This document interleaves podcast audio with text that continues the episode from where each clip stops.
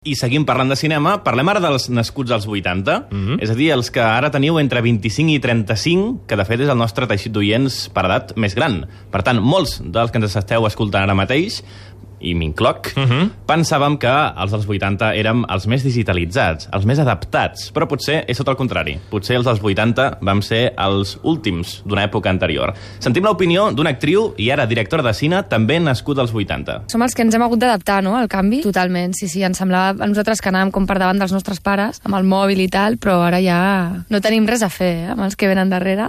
Som els que hem, hem viscut tot el caos. Jo crec que vam créixer en el moment en què semblava que tot anava cap amunt, no? Sí, estudia dos carreres i fes-te un màster perquè després tindràs el millor treball del món i després hem arribat als 30 i hem vist que no és així, que pots tenir dues carreres i dos màsters i, i estar a l'atur crec que quan tens 20 creus que viuràs per sempre i que quan siguis gran ja tot um, t'organitzaràs la vida i de sobte arribes als 30 i dius, ah, vale, és que encara tinc moltes coses per organitzar de la vida, no? Que és el que li passa a la Maria de les Muntanyes, a la peli, que es pensava que quan arribés als 30 ja ho tindria tot superorganitzat, el seu pis, la seva feina, la seva vida ja com molt encarrilada i arriba als 30 i té que tornar a casa de, dels seus pares a viure, no té feina, l'ha de buscar, no té parella... Per, estem parlant com si fóssim avis, eh? Perdona.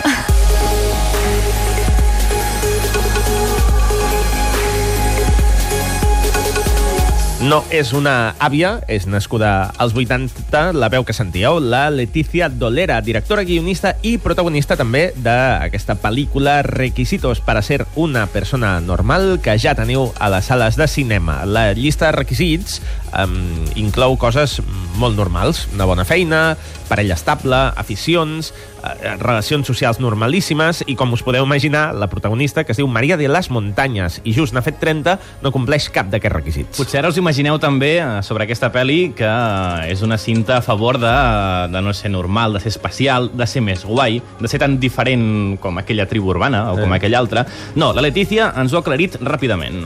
No és que en realitat la pel·li el que pretén dir-te és si, sigues tu mateix. No, no vagis, no intentis ser diferent, ni intentis ser normal, ni intentis ser res, sinó mira dins, mira el que tens dins i, i fes-te tu els teus requisits per ser, per ser tu. Sigues lliure. De fet, els personatges de la pel·li que compleixen els requisits, que són en teoria el món de la normalitat, també són personatges que, si t'hi fixes, cadascú té un món propi bastant peculiar. O sigui, que normal no tenen res, perquè és que jo crec que ningú és normal, que, i que per això l'ésser humà és tan extraordinari, perquè tots som diferents i tots som únics. I crec que la societat ens intenta mm, com igualar a tots, que tots comprem el mateix, que tots vestim igual, que tots tinguem les mateixes idees, i en realitat el que ens fa únics és el que ens fa autèntics. Tots som diferents, no hi ha ningú normal. Ayer me encontré con Cristina Pi. Es súper normal. Cristina! ¡Ah, qué fuerte! Y me la presentaron un chico. Se llama Gustavo y es encantador. Yo llevo un vestido blanco. y te sienta todo estupendo. Ay, es- Entre aquests personatges normals hi reconeixereu els actors catalans David Verdaguer i Miqui Esparvé, en aquest cas eh, fent de personatges que fan rabieta, per entendre'ns, i també l'Alexandra Jiménez. I el nostre descobriment, que ha estat l'actor Manuel Burque, l'altre protagonista de la història, interpreta el Borja, que també es busca ell mateix i es vol convertir també en una persona normal. Doncs un cop es coneixen noi i noia d'aquesta pel·li, de fet es coneixen xocant en una llibreria, i un cop ja engegada la història, començareu a pensar inevitablement en un director americà d'èxit. Començareu a relacionar requisitos per ser una persona normal amb les pel·lícules de Wes Anderson. m'agrada molt estèticament, o sigui, m'agrada a nivell plàstic i m'agrada la idea que tots els personatges de les pel·lis de Wes Anderson són com tendres i bons. Són universos on no existeix la maldat. Ja està bé de vegades entrar en aquests mons. Però això va, saps que va sorgir a, mi, com a la meitat del rodatge deia, ostres, realment se m'està anant cap a Wes Anderson. I el, les pel·lis de referència que tenia al principi, que li ensenyava la directora d'art i, tal, i el director de foto, eren eh, Olvídate de mi, 500 días juntos, Juno, i de sobte, la,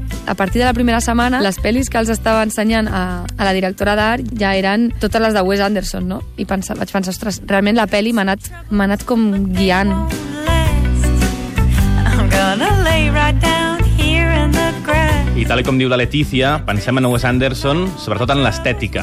No, no hi és la melancolia tan pròpia del director de The Life Aquático, de Royal Tenenbaums, perquè Requisitos per ser una persona normal és una pel·li superpositiva. I el que sí que, que destaquem i ens demostra aquesta pel·lícula és que es poden agafar aquests referents tan americans per fer una pel·li, sí, de model americà, però que funcioni al mercat espanyol. Sí, però no he pensat en intentar demostrar res. Eh? Jo el que he volgut fer és una pel·lícula que a mi m'agradés i, uns, i explicar la història de la Maria i del Borja i d'aquesta gent trobant el seu sentit a la vida i el seu lloc a la vida i, i fer riure i emocionar l'espectador. O sigui, l'he fet amb tot el cor i tota la passió i el millor que he pogut. I sí que dona la casualitat que aquests, aquest tipus de pel·lícules són pel·lícules que jo veig i que m'agraden molt i al final un acaba inspirant-se en allò que li agrada, no? en allò que veu. I en aquest cas, doncs, el meu univers és aquest, no? una mica pop, una mica eh, naïf i, i també doncs, amb, amb moments àcids d'humor i friquis. I també la pel·li és molt romàntica. Que, de fet, l'altre dia em van dir te n'adones que a Espanya no es fan comèdies romàntiques? I vaig pensar, ostres, és veritat, no? Perquè es fa molta comèdia,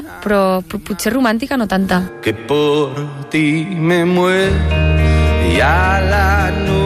Doncs eh, ja ho heu sentit, de la veu de la Letícia Dolera, de la directora d'aquesta pel·lícula, els ingredients d'aquests eh, requisitos que potser us convencen per anar-la a veure avui mateix al cinema. Nosaltres no creiem que la Maria de les Muntanyes, la protagonista, s'assembli massa a la Letícia Dolera, perquè per començar aquest personatge de ficció no ens sembla que s'embarqués mai a rodar una pel·li i a dirigir-la ella mateixa. Però clar, el resultat és tan personal, penseu que la Letícia és directora, és actriu, és la guionista, que sí, li han fet aquesta pregunta de manual a la nostra entrevistada. Avui ens ho han permès. Sí. Li hem dit, la protagonista de la teva pel·li s'assembla a tu. Aviam, una mica sí, clar. Però la pel·li no és autobiogràfica, eh? El, que sí que el, té, té el, el, tenim un to similar. Crec que sóc una mica friki, com la Maria de les Muntanyes. I també he sentit algunes vegades a la meva vida el que sent ella al principi de la pel·li, que és aquesta cosa de no encaixar, de sentir que estàs fora de lloc. Que crec que tothom, alguna vegada a la vida, ja sigui en una festa, en un sopar, a l'institut, a la uni, tothom ho ha sentit en algun moment de, ostres, aquí estic una mica fora de lloc, aquí no compleixo els, els requisitos per, per encaixar. I en realitat el viatge que haurà de fer la pel·li és veure que no has de complir cap, cap llista de requisits, sinó ser tu mateix a la vida. El tema de pel·li generacional ha sortit després. O sigui, jo en realitat volia explicar aquesta història de Borja i Maria de les Muntanyes, que són dues persones que estan intentant trobar el seu lloc al món, no? i que es troben l'una a l'altra. Però al final el retrat generacional surt sense voler. Al fer una pel·li contemporània i amb un personatge de la meva edat, doncs, clar, parlo del que m'envolta, no? I, I crec que molta gent es, es sent identificada per això. But I can only be me. Requisitos para ser una persona normal, la, el debut cinematogràfic com a directora de la Letícia Dolera, la nostra convidada, que per cert, si us heu quedat amb les cançons que hem sentit al llarg d'aquesta entrevista, les hem extret totes de la banda sonora i hem sentit a Vigan, que per cert va ser també el protagonista d'ahir dels concerts del Cabaret Elèctric, Aquí podeu mateix. recuperar el podcast, va presentar algunes cançons noves, però també hi havia Newman, McEnroe i ara aquesta que sentiu, la Lucía Salom. Tots ells, grups del segell madrileny Subterfuge, que li donen encara més aquest to indie a requisitos per a ser una persona normal. Una de les pel·lis que es va estrenar ahir dijous i avui divendres ja podeu anar al cinema